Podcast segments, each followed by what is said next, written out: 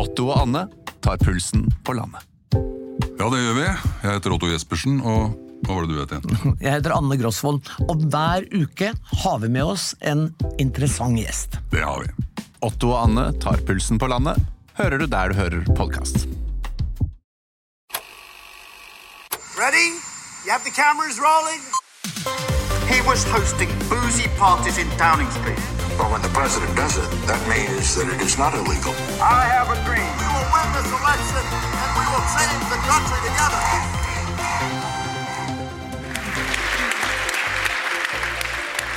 Vi skal nå bytte litt sceneskifte, eh, og så skal vi ha en eh, stol, lenestol-samtale. Da skal jeg denne gangen få lov til å dykke litt eh, ordentlig ned i et tema. Og da skal jeg få eh, gjest opp på scenen, som er ingen ringere enn forsker Henrik Syse.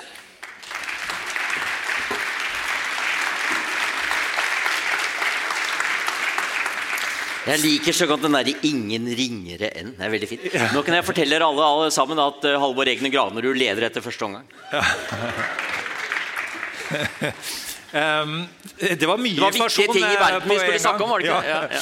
Eh, du tok ikke med deg en øl, var det bevisst? Du Ja, jeg ble faktisk utnevnt i min militære tropp. Jeg nådde ikke helt til forsvarssjefposisjon, men jeg er Fenrik. Fenrik Henrik. Og i den troppen eh, så utnevnte Nicolai Tangen meg til ølsjef. Ja. Og det var fordi jeg var den eneste han stolte på at det gikk å drikke opp ølet. Eh, Henrik, vi skal snakke litt om, på at, om det å snakke. egentlig, Det å snakke sammen. Du kom eh, med en eh, bok i år, eh, rett før jul. Den heter 'På den ene siden' om å mene noe når saken har flere sider. Og den verden vi lever i i dag, vår samtid, det er jo ikke akkurat det vi klarer å gjøre. Nei, det er sant det. Takk for at du nevner boken. Den kom til og med ikke i år. Da høres ut som jeg har vært veldig effektiv. Den kom i fjor, da. Men den er ganske ny, så hvis dere skynder dere til bokhandelen, er den ennå til full pris. Det varer sjelden så lenge med mine bøker. Eh, Mammutsalgets mester. Eh, helt alvorlig. Jeg eh, har skrevet den boken fordi jeg opplever et enormt behov i vår tid for å si ifra når ting er eh, på spill. Og det er mange ting som står på spill nå, og vi har hørt en del av dem nå. Om eh, demokrati, et eh, levelig klima. Vi står overfor midt eh, i Europa en stor krig. Og samtidig så mener jeg at vi mer enn noen gang trenger å lytte til hverandre. fordi det viser seg at mange av de hardeste standpunktene bare fører til enda mer konflikt. Og det er mitt spørsmål. Hvordan kan vi være lyttende, åpne, sette oss ned med dem som er aller mest uenige med oss, og samtidig være prinsippfaste? Så Jeg kaller det prinsippfast vetydighet. og prøve å utforske det, for Jeg merker jo selv også at det er jo mange vanskelige spørsmål som jeg tror det er viktig å ha prinsipielle standpunkter om, men som samtidig er vanskelig fordi jeg mener flere ting på en gang. Altså, Jeg elsker kapitalisme, og jeg hater kapitalisme. Jeg er for abortloven, og jeg er mot abortloven. Jeg syns skolen bør bli snillere, og jeg synes skolen bør bli strengere. Hva skal jeg mene? Men jeg mener jo samtidig at prinsipper er viktig, at det er forskjell på rett og galt. Og det er det jeg har forsøkt å utforske i den boken. Ja, og, og, det har du fått lov til å gjøre både på denne scenen her og i bok, din bokform. Men hvis du hadde prøvd å gjøre det i media, eller ikke minst i sosiale medier, så er det på en måte to plattformer som jo e- egentlig ikke er rigget til det. Så hva kan vi gjøre med det? Jeg tror Det første vi trenger å gjøre, er rett og slett å lage flere arenaer for å lytte. Og Da snakker jeg både om de store arenaene, diplomatiets arenaer, øh, forhandlingenes arenaer. Og så snakker jeg om i hverdagen. At vi rett og slett tar oss tid til og Det kan høres banalt ut, men det er jo ikke det i det hele tatt. Å høre ferdig hva den annen part har å si, og ikke ta for gitt Men det hvis jeg bare kan få lov til å avbryte deg. Det er nettopp det som skjer. og Det er jo nettopp det om vi Det har vi øvd mange til ganger på. Ja, ja, ja, veldig satt bra. akkurat som Dette har vi trent på hele ettermiddagen. Ja. Men det andre vi trenger å gjøre, det er jo å gå tilbake til den visdommen som kommer fra filosofen Sokrates. Og det er den å hele tiden være åpen for at det er noe jeg ikke vet. Det er noe jeg ikke vet om resten av verden, som jeg trenger å lære. Og Da kan vi bruke et eksempel. eh, Fotball-VM i Qatar. Jeg er selv eh, motstander av at man tildelte fotball-VM til Qatar uten at man stilte strengere krav. Og jeg er helt enig med dem som mente at her var det grunn til å kritisere både Fifa og, og Qatar. Men du fikk nærmest en slags sånn bølge. Hvor var det én ting det ikke var noen grunn til å snakke om, så var det araberlandene. For der er bare alt helt forferdelig. Vi skal aldri ha sportsmesterskap der. Og sånn Bilder i avisene hvor du så en vestlig person ved siden av en sjeik, og da er sånn, sånn vil vi ikke ha det. Og så spør jeg Vil vi ikke det? Ønsker vi ikke faktisk at det skal være steder der vi møtes? Er ikke sport en fin arena for faktisk å kunne møtes på tvers av forskjeller? Og da ser jeg at vi har veldig redd for, lett for, tror jeg, særlig når vi mener ting sterkt, når vi kjemper for noe viktig, å bli blinde for at nå trenger vi også å sette oss ned og lytte og gjennomtenke hva som er vår egen posisjon, og ikke minst hvordan andre ser på oss. Mm. Også, men det man veldig ofte opplever, er at man egentlig ikke altså, På de arenaene vi har, da, at man ikke snakker sammen. At du har en slags du har ikke meningsutveksling, du har en meningsbrytning. Og man skal på en måte vinne eh, debatten. Eh, og i USA som vi har snakket en del om nå, så er det altså hele det gamle 'agree to disagree' er jo til og med borte. Man, man, man møtes ikke engang på thanksgiving for å småkrangle litt. Grann, eh, og bare bli enige om at man er uenig. Eh, og hvordan, hvordan, kan man komme dit? da, At man i hele tatt uh, finner en arena? og da, nå skal jeg, uh, nå, nå, Dit jeg vil, Henrik, det er uh, til ditt Cheers-eksempel. Uh, ja. ja. vi skal komme dit. Men hvis jeg starter med å være litt pessimistisk først, så er det en utvikling teknologisk i vår verden som sosiale medier er en del av, som synes å ikke invitere til den type samtaler i større grad. Fordi man skal formulere seg i veldig korte setninger, og ikke minst da formulere hvor uenig man er med den annen part, for å markere hvor man står. Og I USA så har jo det ledet til, og min eh, flotte kollega og venn Hilde Reza, som er samarbeidspartner med på Oslo nye høgskole, hun er flink til å formulere det i sin eh, nye bok, at du har fått et politisk klima hvor man ikke snakker med hverandre i det daglige engang. Så du er ikke venner over partigrensene. Noen av oss er gamle nok til å huske 1980-tallet. Da var de to store kampene Ronald Reagan og Tip O'Neill. Og de hadde som sitt slagord 'Etter klokken seks er vi alltid venner'. Dette var to mennesker som kjente hverandre godt, likte hverandre, syntes det var spennende å snakke med hverandre. Nå sies det at nå snakker man ikke engang sammen. Og da er jo det nettopp litt av dette å skape dette rommet hvor det kan skje igjen. og Der er jeg litt pessimistisk, for jeg tror det er mange av trekkene i den moderne teknologiske utviklingen som peker i en annen retning. Men det betyr at vi må ikke gi oss. Og hvis du med Cheers-eksempelet tenker på den aller siste episoden av Cheers den er herlig, er det noen som De er gamle nok til å huske sånt. Ja, ja. Det er en serie fra en bar i, i, Boston. Jeg vil vel ikke anbefale alkoholforbruket der for de fleste, men det er en veldig morsom serie. Uh, og i aller siste scene etter elleve år tror jeg det er med den serien, så har eh, Cliff Claven postmannen kommet frem til at nå har han fått sin innsikt. Han er en god hverdagsfilosof. Han har funnet meningen med livet. So what is it, sier de andre. Comfortable shoes. Gode sko. Og så spør de Frazier, som er den smarteste. Eh, hvem er den største filosofen som har levd? Det er Aristoteles. Ja, der ser du. Sandaler. Gode sko. Og Det er et eller annet med den der å bringe de store spørsmålene tilbake til det som er nært. Og da er jo for så vidt en ganske god historie, for det kan vi diskutere ganske mange av oss. ja, gode sko. Finne de tingene som vi kan møtes på. Og Hvis da det eksempelet løfter det opp på et høyere plan, så tror jeg en dag så skal vi samarbeide med Russland igjen. Vi kan håpe at før et år er gått, så er det ikke lenger væpnede handlinger i Ukraina. Hvordan skal vi nærme oss Russland da? Hvor starter vi hen? Jeg skal ikke starte med at vi skal snakke om sko. Men vi må finne de arenaene hvor det faktisk er meningsfylt å samarbeide. og Jeg holder akkurat nå på med et forskningsarbeid og forhåpentlig en bok om noe av det som fascinerer meg mest i hele verden, og det er månelandingene. På 60- og 70-tallet klarte altså menneskeheten å komme seg til månen og tilbake. Og vet dere, En av de tingene som fulgte av det prosjektet, som jo egentlig var et konkurranseprosjekt mellom USA og Sovjetunionen, det var et av de tetteste og fineste vitenskapelige samarbeid som verden har sett mellom USA og Sovjetunionen. Midt under den kalde krigen så bestemte de seg for nå samarbeider vi. Apollo Soyuz i 1975, fortsatt helt til i dag med romstasjonen. Jeg tror på at vi kan finne arenaer, og jeg tror vitenskap er en viktig arena for det. Og da er det jo mitt håp at eh, det som skal skje i romforskning i årene som kommer, som også kan ha store positive konsekvenser for jordkloden, det er noe Kina, Russland og USA faktisk kan samarbeide om. Og det er ikke umulig, for det har vi klart før. Mm.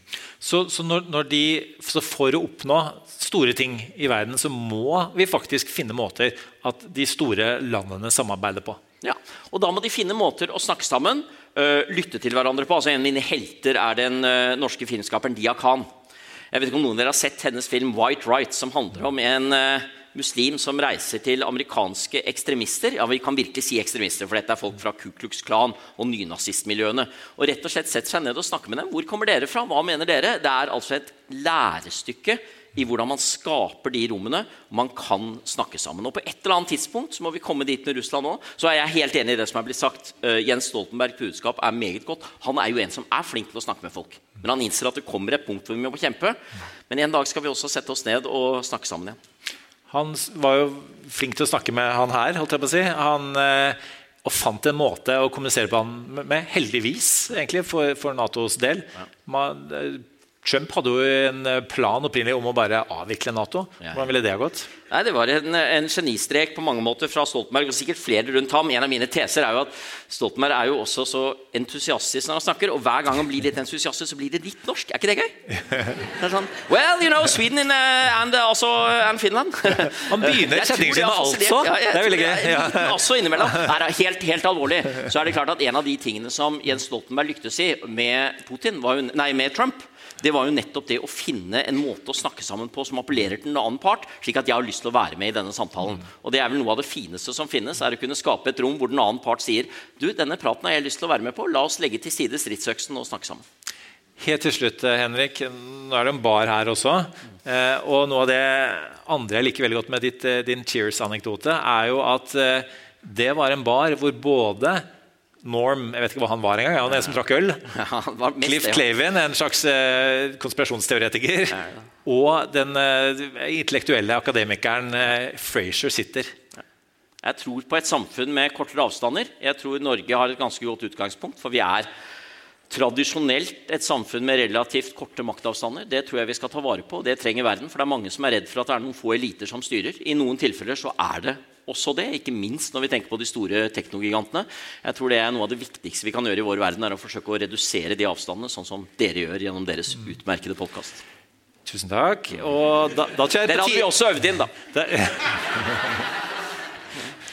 Eh, da tror jeg det er på tide å få litt mer makt og elite opp på scenen. Det er det. Tusen takk, eh, folkens. Henrik eh, Syse.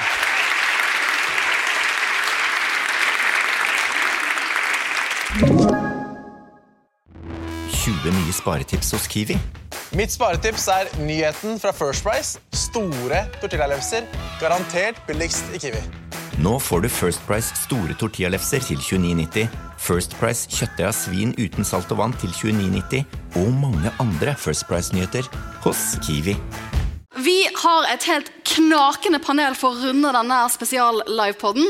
Vi har Anniken Hauglie tilbake på scenen. Vi har Tone Svie Aglen, velkommen politisk kommentator i NRK. Vi har Sigurd Asland, også from the pod.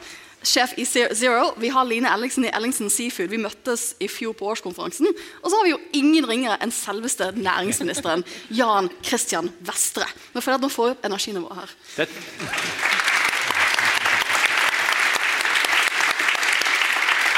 Og jeg, jeg tenkte at du har jo kompetanse og makt. Ja, det spørs. Jeg tenkte Vi skulle begynne med deg. Vi skulle jo egentlig gi ut en pris sammen på årskonferansen i fjor. Men så ble årskonferansen flyttet til mai fra januar, og så endte jeg med å gi den ut sammen med Støre. Men jeg skjønner at du fikk gitt ut den prisen i år. Ja. Til sosialt entreprenørskap. Hvordan? Yes, Til Helt Med, som er en fantastisk gjeng som eh, bidrar til å få folk inn i arbeid. Det er veldig, veldig bra. Greide du å hånd... Ja. Hvordan, hvordan, var det å håndtere sjekken og blomstene? For Det syns synes Støre og jeg var ganske vanskelig. sånn, ja, men eh, Noe har mer tillit til deg enn til meg, skjønner du, så jeg fikk bare blomsten. Og så fikk Torbjørn Røe Isaksen sjekken. Ja. ja. Så vi måtte ha to næringsministre for å gjøre det som du kan gjøre alene. Tusen takk, tusen takk. Um, hvordan var det å være på årskonferansen som næringsminister? Det er fint, det er alltid veldig bra. NHO er jo utrolig flinke til å sette dagsorden og alltid ha kule innledere. Og alt er veldig fresht og fancy og fint. Og så synes jeg jo at Selv om temaet var uro, så var det jo egentlig ganske optimistisk gjeng. Både på scenen, som pekte på at det er tross alt ganske mye å glede seg over med det året vi går inn i nå. Og så syns jeg også samtalene blant deltakerne Anniken, eh, egentlig tegna et bilde av at eh, det er uro, men eh, dette skal vi komme gjennom sammen. Og det er veldig, veldig bra. For en av de tingene jeg lurer på med det er at Du var jo næringslivsleder selv. Du kommer inn, du blir næringsminister. Og verden ser ut som den gjorde i oktober 2021. Uh, og man går fra en litt sånn håpfull nå er jeg ikke økonom, det var en håpfull økonomisk prognose. Nå skal vi ut av pandemien, norsk næringsliv skal tilbake for fullt. Nå skal vi kjøre på. Og så eh, blir det da krig i Europa. Eh, og de økonomiske prognosene vi står her med i dag, er jo radikalt forskjellige fra de det var da du ble utnevnt som statsråd. Eh, og vi ser jo konturene av et verdensbilde hvor man kommer til å gjøre, eller nok kommer til å gå inn i mye mer proteksjonistiske um, handelsrutiner enn det vi kanskje har vært vitne til i vår levetid. Um, og da lurer jeg på, Hvordan er det å være næringsminister og se så mye endre seg på et år? Ja, Det er jo enormt mye som endrer seg. Jeg synes Jonas egentlig sa det veldig godt i, i går. fordi at På et eller annet år nå så har vi også vært i en situasjon der vi skal ut av den største pandemien siden spanskesjuka. Vi opplever den største inflasjonen i Vesten siden jappetida på 80-tallet. Mm. Vi eh, opplever den første fullskåla angrepskrigen på europeisk territorium siden andre verdenskrig. Og det er energikrise, den største energikrisen i Europa siden oljesjokket i 1973. Og Alt dette slår inn over oss samtidig. Det er ikke noe sånn quick fix. Vi kan ikke vedta lavere inflasjon. Vi kan jobbe for å dempe presset i økonomiene. Norge har jo klart det ganske godt. Vi har nå lavere inflasjon enn alle våre handelspartnere. og Ifølge SSB så nærmer vi oss sannsynligvis inflasjonstoppen allerede dette kvartalet kvartalet. Det er i så fall veldig godt nytt for norsk næringsliv og for folk over hele landet. fordi at å holde orden på økonomien er det viktigste vi kan gjøre for å trygge arbeidsplassene. Og så er vi i en situasjon der vi har hatt tiår med framgang på frihandel. Globalisering. Norge har jo som en liten åpen økonomi vært pådriver for et regulert handelssystem. Avtaler, at vi handler med hverandre. WTO-systemet. Og så ser vi USA, også med Biden-administrasjonen, som har en annen politisk agenda. og Det må vi selvfølgelig respektere. Men det betyr også at vi må jobbe helt annerledes i utenrikspolitikken og i handelspolitikken. Mm. Og Det er vi i gang med, bl.a. med disse industripartnerskapene vi nå inngår. Vi signerte to avtaler med Habeck i går, visekansleren i Tyskland, den største økonomien i Europa. Veldig viktig for norsk næringsliv. Vi gjør det sammen med EU, vi gjør det i et nordisk perspektiv, og vi gjør det også sammen med våre venner i Washington. Og Det er jo nettopp for å sikre at norske interesser blir ivaretatt i en verden som er eh, seg selv litt mer hver for seg enn det vi var eh, tidligere. Ja, Anniken, jeg lurer på, jeg har egentlig samme spørsmål til deg. Når vi planla årskonferansen som skulle vært i januar 2022, og så ble det mai 2022 istedenfor, så skulle jeg Jeg tror temaet var sånn fremtidens arbeidsliv. Og jeg skulle liksom, jeg skulle snakke om fremtidens arbeidsliv og være sånn ung og hipp og kul, og de fikk meg til å sånn skyte opp til månen i en sånn rakettgreie. Du er alltid ung og hipp og kul, jeg bare sier det. uh, altså, Lillebroren min på 20 er veldig usikker til tider. Men, uh, men uh, takk. Jeg tror vi er like gamle, så vi må liksom klamre oss til at vi er unge og kule noen år til. men Anniken, hvordan er, liksom, hvordan er det å være en NHO-topp når så mye har skjedd i norsk økonomi på et år?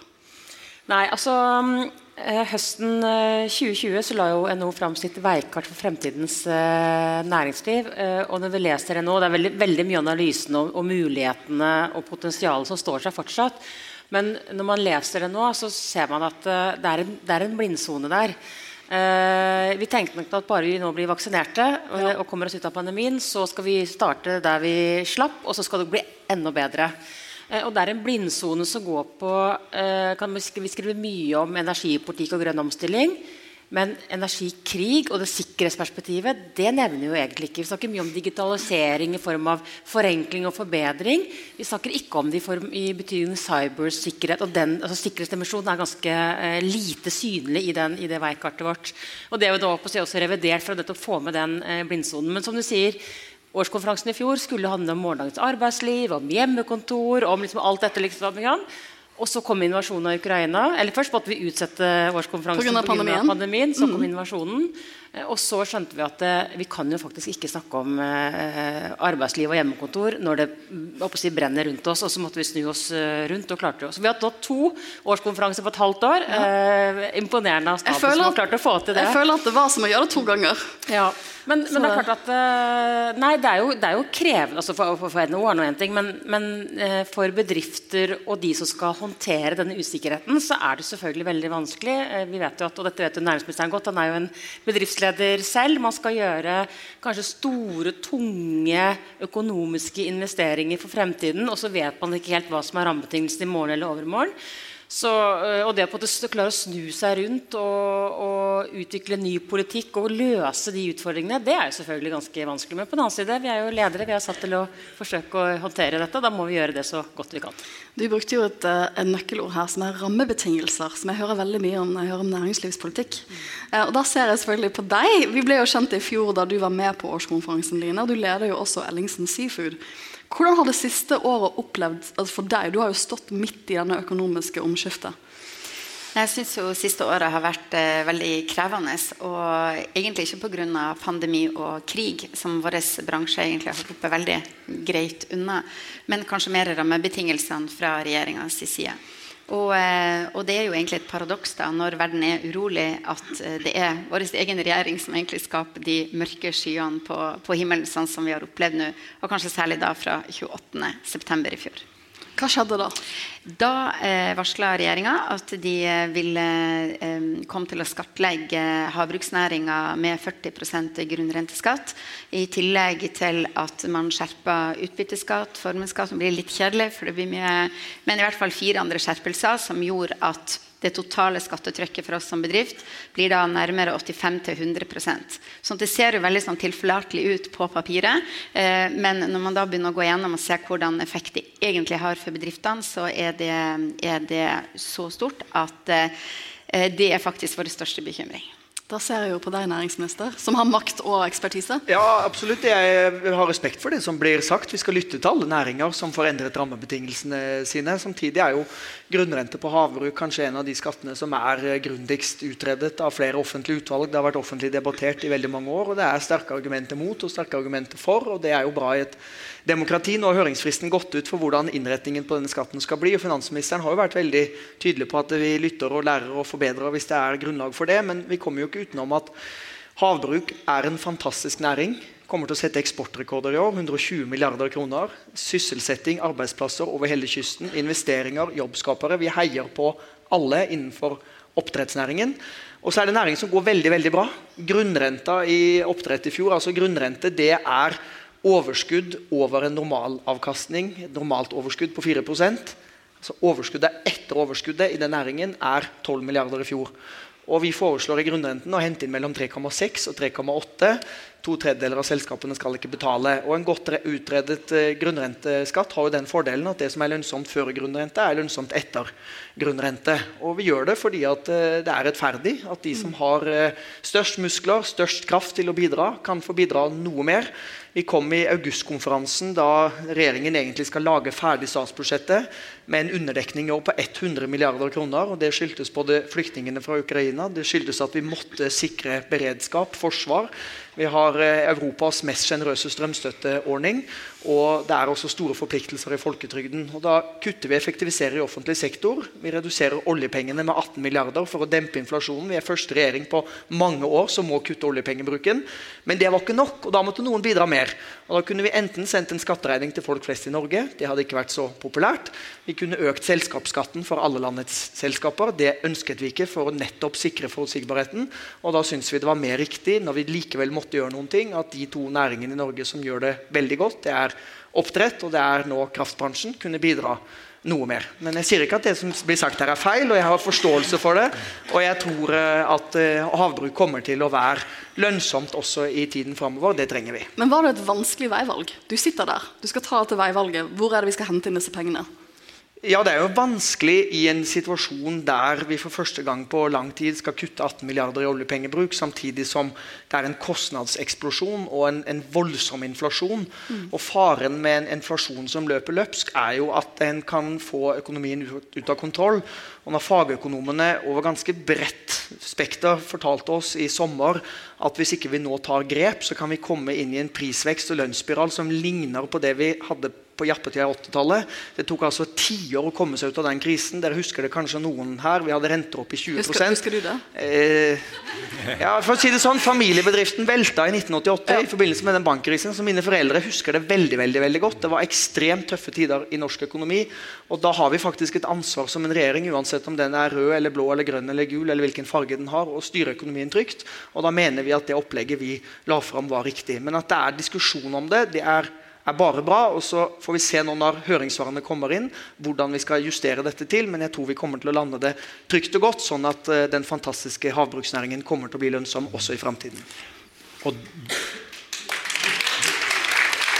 Dette er altså um, Eh, Dette er altså den lille debatten vi har lagt inn i dette her. Vi må ha litt debatt, og vi kan ikke være enige om altså, verden fremover. Hallo. Um, men Lene, du skal få lov til å svare på dette. Um, eh, man eh, skal lytte, ta lærdom, sies det. Nå er det en, eh, høring ute. Um, Riktignok etter at eh, ordningen er i gang, da. Men eh, eh, altså hva alle disse støtteordningene, enten det er strøm, pandemi osv., det har jo blitt diskutert og det har jo måttet gå seg til. Har du tro på at eh, det går seg til på en måte som gjør at dere eh, vil være forsonte? Ja, jeg håper jo virkelig det, fordi at det er jo kommet inn 350 høringssvar, og det er ganske mye med tanke på antall bedrifter. og Det som er, eh, det er greit det du sier i forhold til at dette er utreda, men det er dessverre etter mitt syn eh, en stor grad en skrivebordsøvelse. Fordi at eh, det man, det man ikke tar hensyn til Man har tatt egentlig grunnrente fra vannkraft, og så har man overført det til en helt annen bransje som er mye mer kompleks. Fra de små familieeide selskapene langs kysten til de store børsnoterte med helt helt, eh, med en helintegrert verdikjede.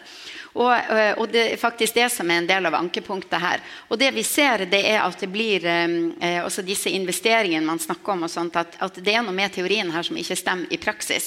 Men jeg har jo eh, absolutt eh, tillit til at eh, dere vil gå gjennom alle høringssvarene, og håper også at man da tar det på alvor, det som står der. For jeg tenker at vi har et felles mål. Vi ønsker å være gode samfunnsbyggere, lage, lage arbeidsplasser, utvikle også produktet laks i Norge.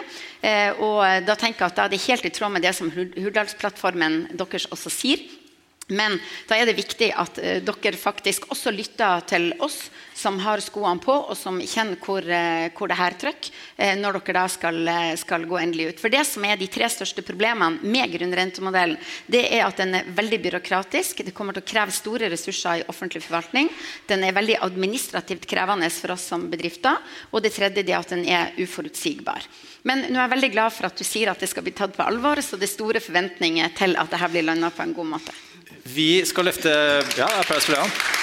Uh, vi, vi, skal løfte blikket litt. Grann, eh, Tone Sofie, du som, som følger det, det, politiske er det lov å si, uh, i kulissene nå for NRK. Ehm, da, da, jeg i, da vi i TV 2 skulle ha en, vi trengte en karismatisk, vellykket ung næringslivsleder, så ringte jeg til NOs kommunikasjonsavdeling og fikk høre Jan Christian Vestre er mannen. Dette var for noen år siden. Ja, ja, for et par år siden. Også, men så var det et nytt tema osv. Så, videre, så, så du, du ble ikke invitert invitert, eh, men eh, det var NHO. Av den, den eneste årsaken, men du, var på en måte NHOs sånn, måte, rollemodell. Da. Eh, og nå står næringsministeren og er, jeg skal ikke kalle det en prygelknabe, men, men, får en del kritikk av næringslivet. Hvordan vil du Eh, altså, hvordan vil du se altså, dommen over norsk næringsliv eh, fra norsk næringsliv til regjeringen, som var på NHOs årskonferanse i går? Hvordan er det? Er det, er det mistillit nå? Er det, er, det, er det, et godt samarbeid? Eh, hvordan skal det bedres eh, fremover, tenker du?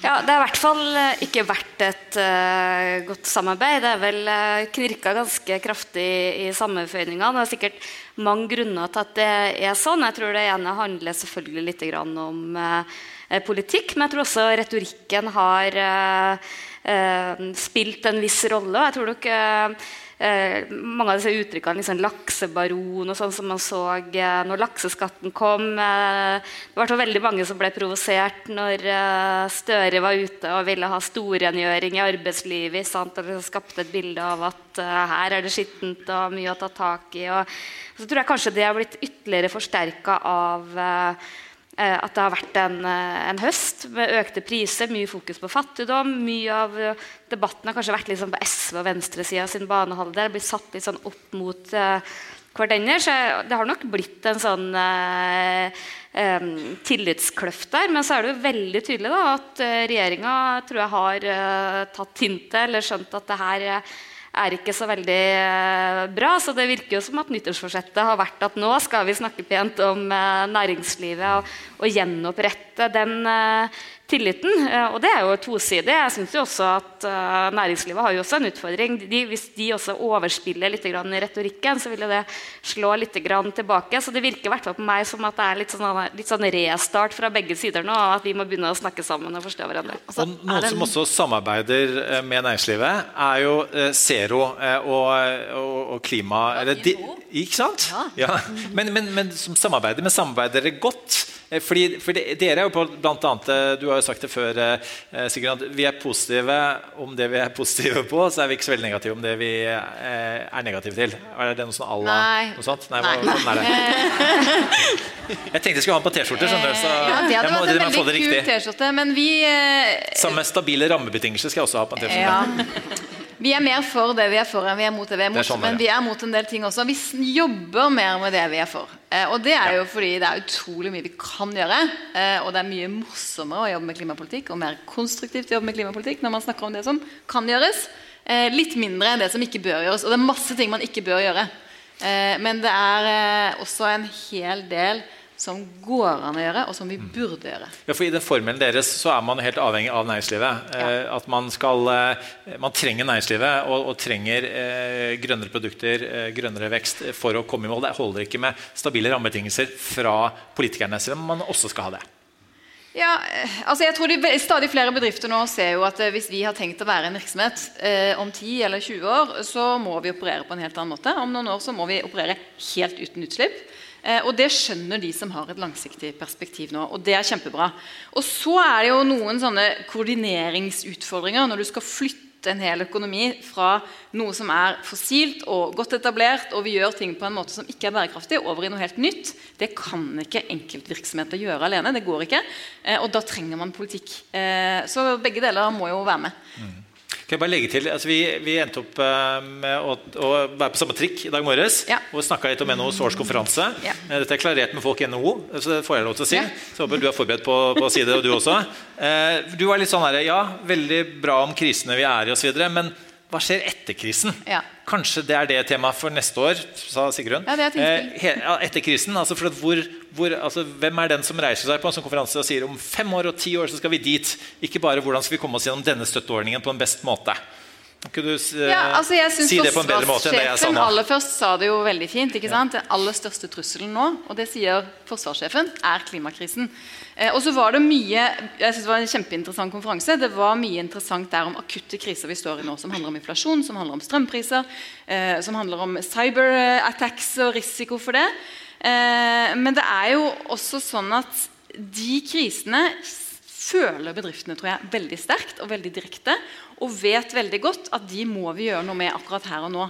Uh, og jeg tenker at Hvis man skulle liksom sett enda litt lenger fram, så kunne man sagt ja, hvordan skal vi møte dette? Hvordan skal vi møte den strømkrisen og den priskrisen og alt det vi står i nå, på en måte som gjør at vi kommer ut mer bærekraftig i andre enden. Det hadde jeg syntes var enda mer interessant. Ja? Jeg ser at du ønsker å slenge det på her, Eline. Ja, for jeg bare tenker at Da er det jo eh, perfekt. Det Svaret på det det er jo å satse på havbruk. Fordi at eh, 70 av eh, jorda den er dekket av vann. 2% av maten kommer fra havet. Så det er klart at med god næringspolitikk så ligger jo alt til rette for å faktisk ha eh, god og bærekraftig mat som har det laveste utslippet. Sånn at eh, folkens, laks er sunt, det er godt og veldig enkelt å tilberede.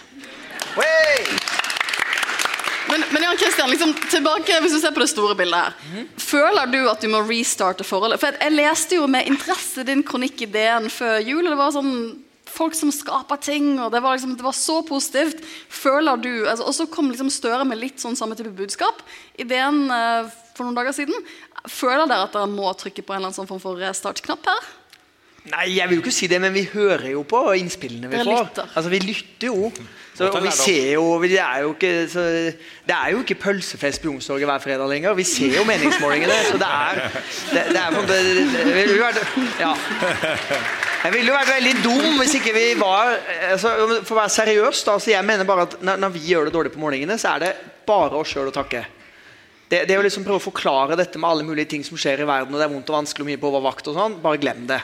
Det er vår evne til å ta tak i de utfordringene og levere gode politiske svar og løsninger og kommunikasjon og retorikk som folk tror på, som avgjør om vi lykkes eller ikke. Det, det er liksom Sånn er det. Og Når vi får de tilbakemeldingene, så må vi åpent og ærlig, ydmykt, være selvkritiske, lytte og høre på det. Og da har vi hørt at en del i næringslivet har sagt gjennom høsten at de har ikke vært helt fornøyd, og da må vi gjøre noe med det. Både i politikk og i kommunikasjon, og det er vi i full gang med. Men jeg vil bare si at vi, vi, vi kan ikke, vi bruker liksom ikke veldig mye av tiden vår på å liksom finne masse smarte retoriske løsninger. ditt og datt. Vi, vi har én veldig viktig oppgave som regjering, og det er å trygge norsk økonomi, norske arbeidsplasser, bidra til at vi kommer ut av denne krisa med lavest ledighet i Europa. Bidra til at forskjellene i Norge mellom fattig og rik nå og mellom landsdeler ikke får øke. Vi har en enorm klimautfordring foran oss. I 1990 var Norges samlede CO2-utslipp 51 millioner tonn. I fjor var det 49 millioner tonn. Vi har også brukt 33 år på å kutte 2 millioner, eller 4% av de 55 prosentene vi skal kutte fram til 2030. Vi skal nå gjennomføre den største omstillingen av norsk økonomi noensinne. Det kommer til å bli krevende, men du verden så gøy det kommer til å bli. Vi har verdens beste forutsetninger for å få det til. Så vi jobber med dette dag og natt hele tiden. Og vi lytter selvsagt til NHO, vi lytter til LO. Jeg har besøkt 300-400 bedrifter selv etter jeg ble næringsminister, snakka med tillitsvalgte, bedriftsledere, bedriftseiere, smått og stort over hele landet. Nettopp fordi jeg er så opptatt av at næringspolitikken er ikke noe vi kan sitte og liksom finne ut av alene på et kontor i Oslo. Vi må faktisk ut og snakke med de som har skoene på, lytte og lære, se hva vi kan gjøre bedre. Men så flytter jo ikke det det faktum at det er ikke norske politikere som skal skape private jobber. Det er ikke norske politikere som skal ta ansvar for at bedrifter må drives for egen regning og risiko. Da får vi et helt annet økonomisk system enn den skape- og dele-modellen som i hvert fall mitt parti, som jeg har vært medlem i i 15 år, er veldig stolt over, nemlig blandingsøkonomien. At vi skal legge til rette med gode rammebetingelser, men at det først og fremst er jobbskapere og entreprenører som bidrar til privat sysselsetting i dette landet. Og De takker vi og heier på, for de finansierer verdens beste velferdsstat. Altså, nå ble jeg giret. Um, Anniken, ble du like giret? Ja, altså, det, det, har jo Mediene det siste døgnet vært veldig opptatt av forholdet mellom NHO og regjeringen. Ja, for det har jo liksom, liksom snakkes. Vi har tatt på seg litt sånn parterapeutrollen her. og det, vi, vi, trenger ikke parterapi, for å si det sånn, men det er klart at vi er veldig glad for de tonene som nå kommer. for jeg tror nok at eh, mange av, Ikke bare våre medlemmer. Vi hadde også en, vi hadde en, det ble gjort en undersøkelse i høst med medlemmene til et samlet norsk eh, arbeidsliv. Eh, opplever nok at liksom, grensen var litt uh, nådd. og Det henger nok også sammen med at uh, den, den, retorikken som man opplever at man har blitt møtt med, har jo pågått i ganske mange år. Kan, uh, Tone Sofie nevner storrengjøring av arbeidslivet. Dette har man, holdt på med, det har man snakket om i årevis. Og Norge har jo et av verdens reneste arbeidsliv. Det betyr ikke at det er perfekt, men tross alt storrengjøring er kanskje litt vel voldsomt. Og så eh, har, det vært flere år med, med, og Jeg sier ikke at næringsministeren uh, sier det, men flere år med laksebaron og med kakser. De rike de skal tas, og de skal flås. og Det er, det er, det er en sånn, sånn, måte å snakke på som mange ikke har syntes noe særlig om. Og så kom på en måte denne uh, skatteregninga i høst, som at regjeringen ønsker økte skatter. det overrasker ikke så veldig mange, fordi det har man jo gått til valg på. Men det som mange reagerte på, var nettopp det at det kom litt sånn brått på. Det kom litt sånn uten prosess, med tilbakevirkende kraft mens høringsrunden pågår. Og så tror jeg det på en måte toppa seg litt. Så, så vi syns jo det er veldig bra at man nå bestemmer, at man bestemmer seg for å, å, kanskje ta en liten annen eh, tilnærming.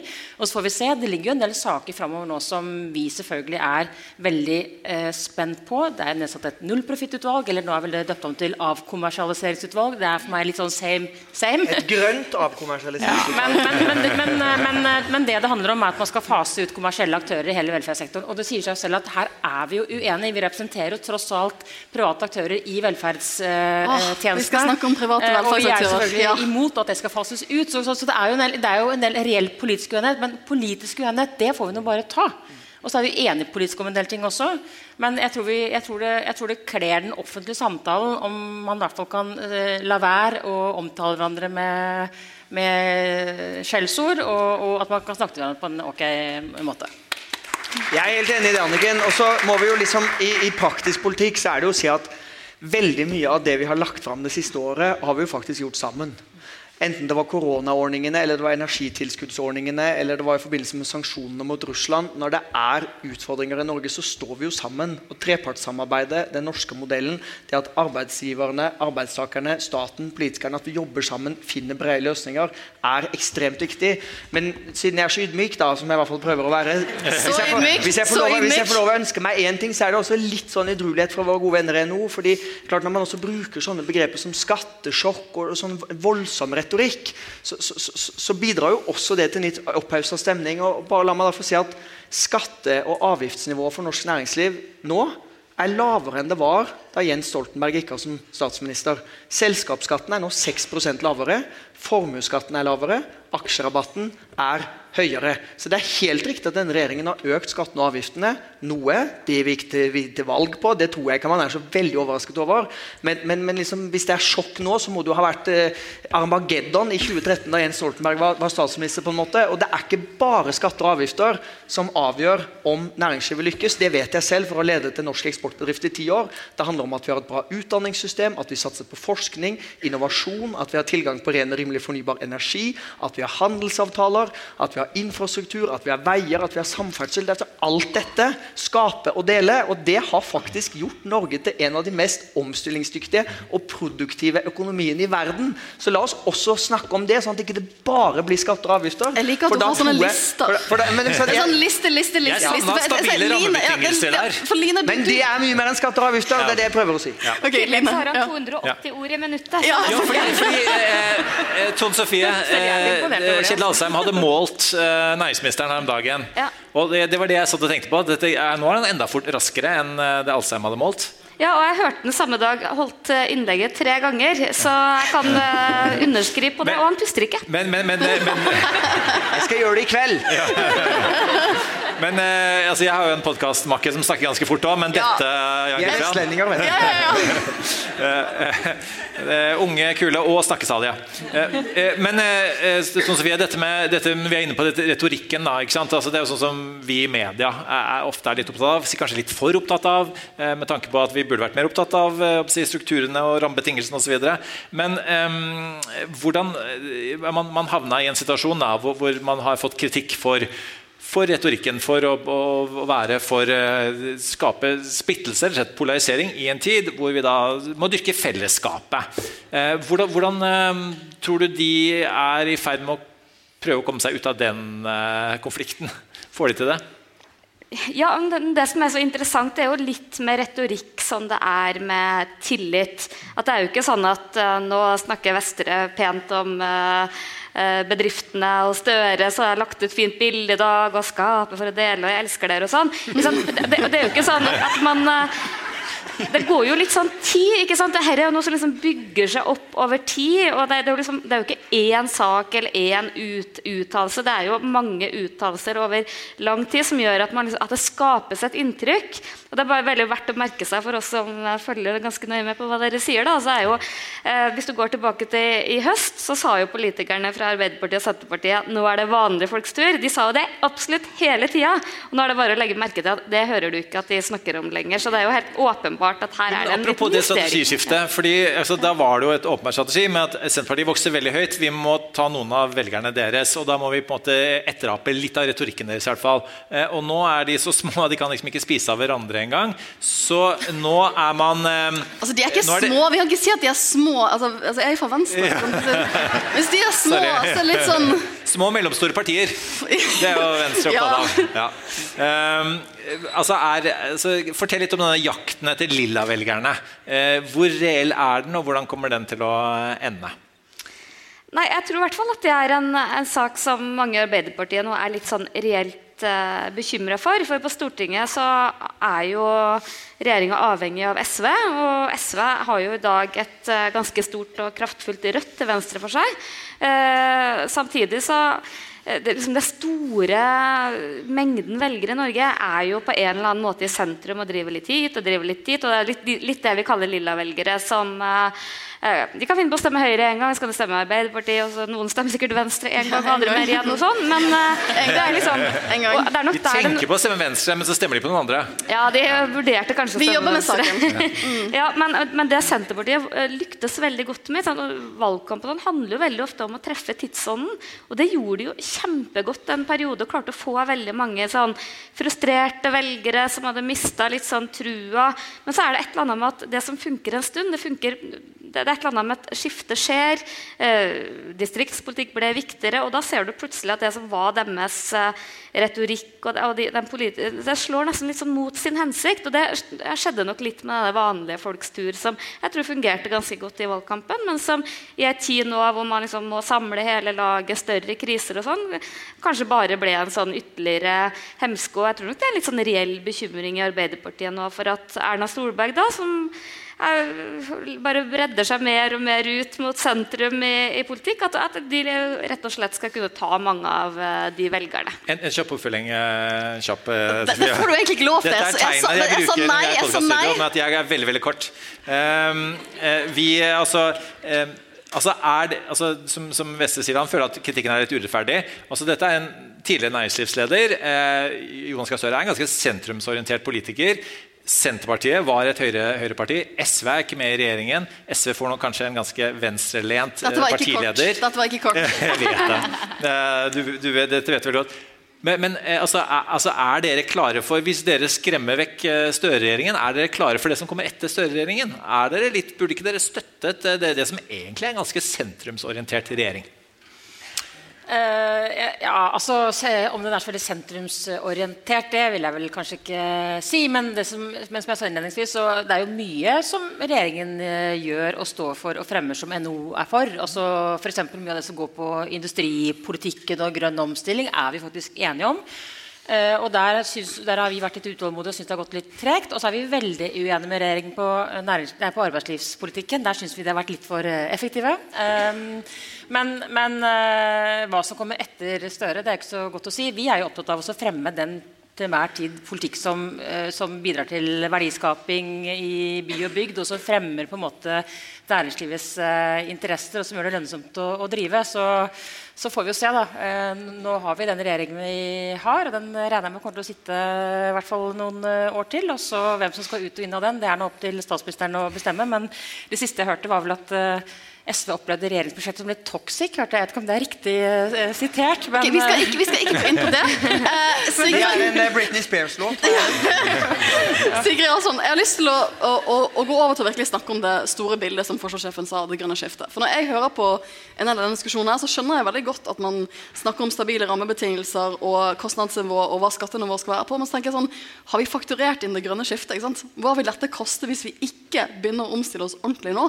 Hva vil den prislappen være om 10-20 år. For Hva tenker du når du hører på dette? her?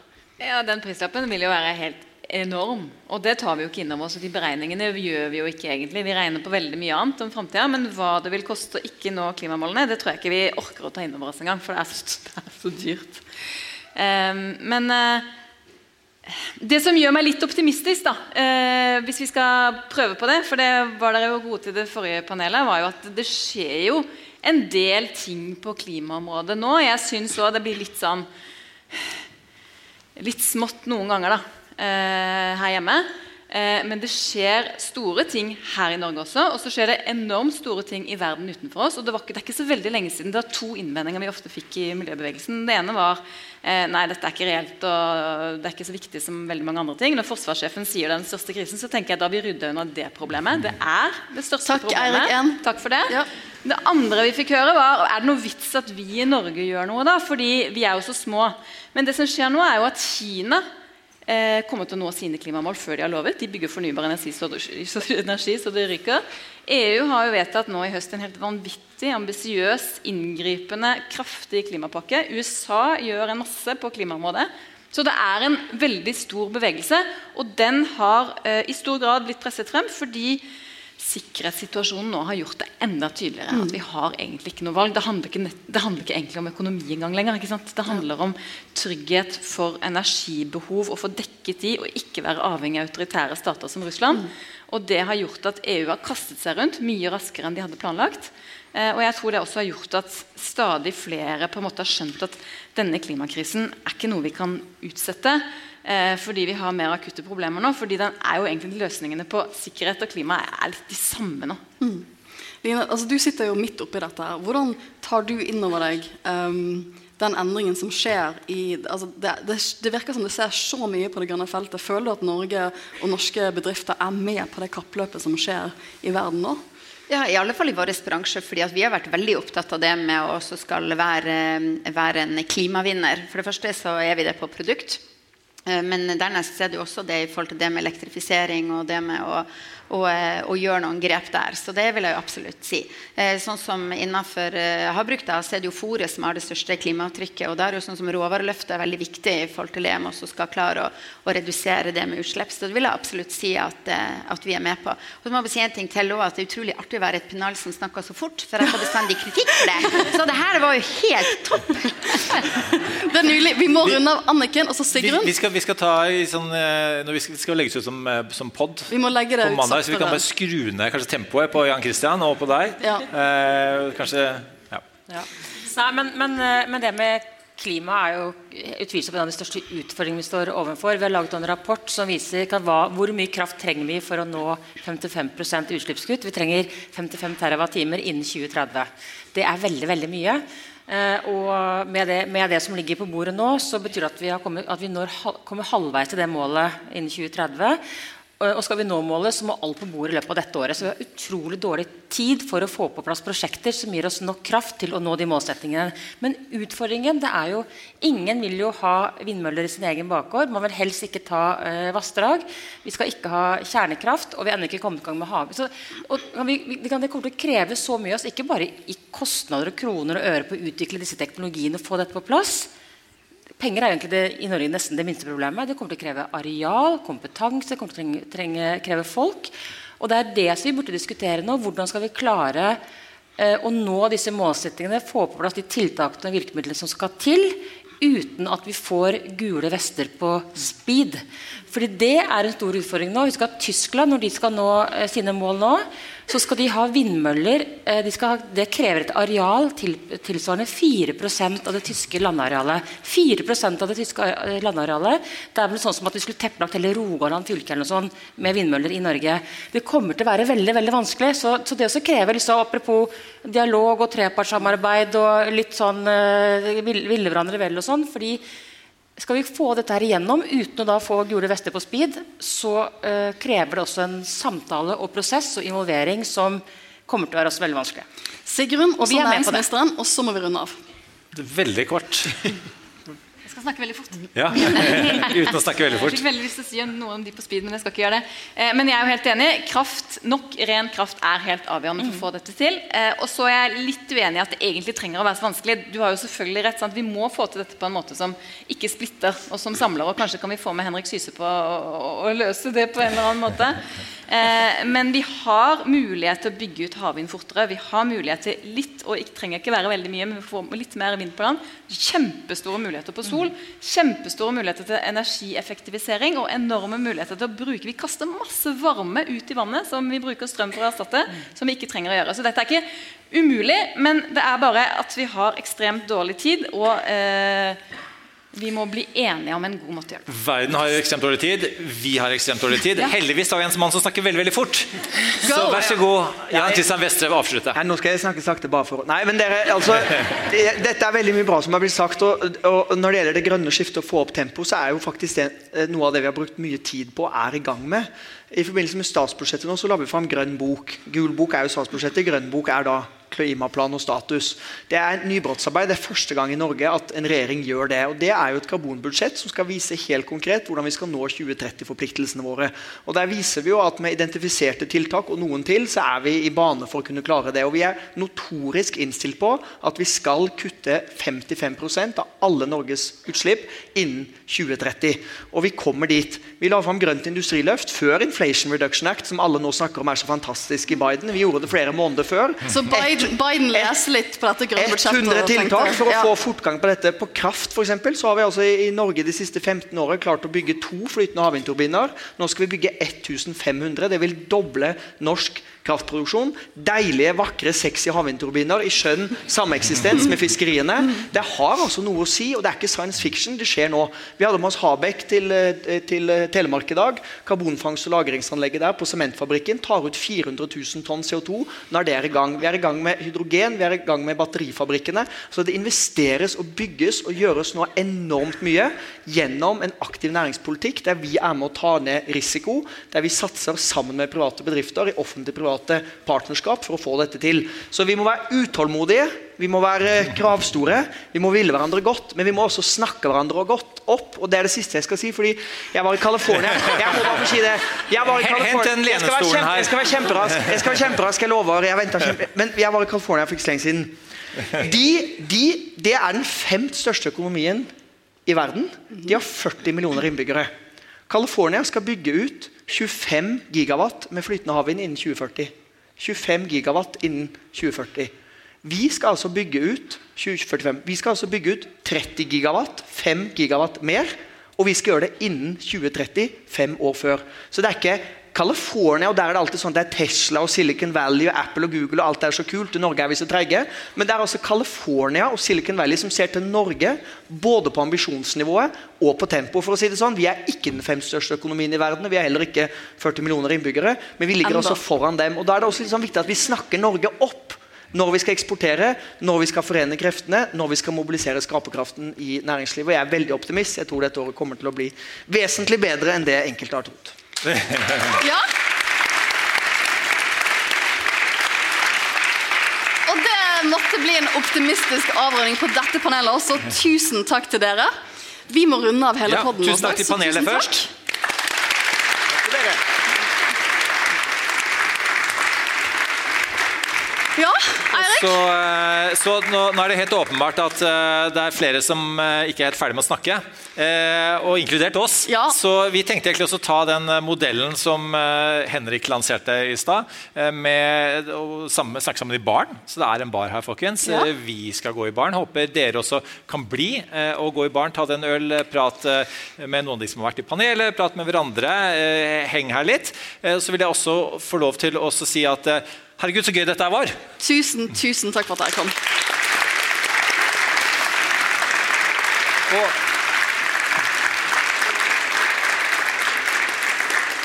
Og med det også tusen, tusen takk til NHO som eh, gjorde dette mulig. Vi gjør gjerne dette igjen, NHO, og gjør gjerne dette igjen med dere uten NHO også, for den saks skyld. Eh, Så eh, jeg håper vi ses igjen og ikke bare høres. Tusen takk alle sammen som kom.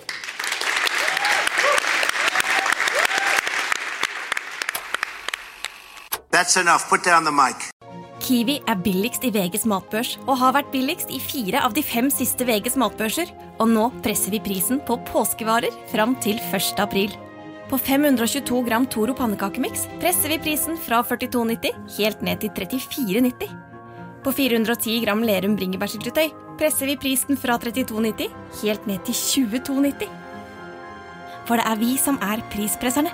Og vi i Kiwi gir oss aldri på pris.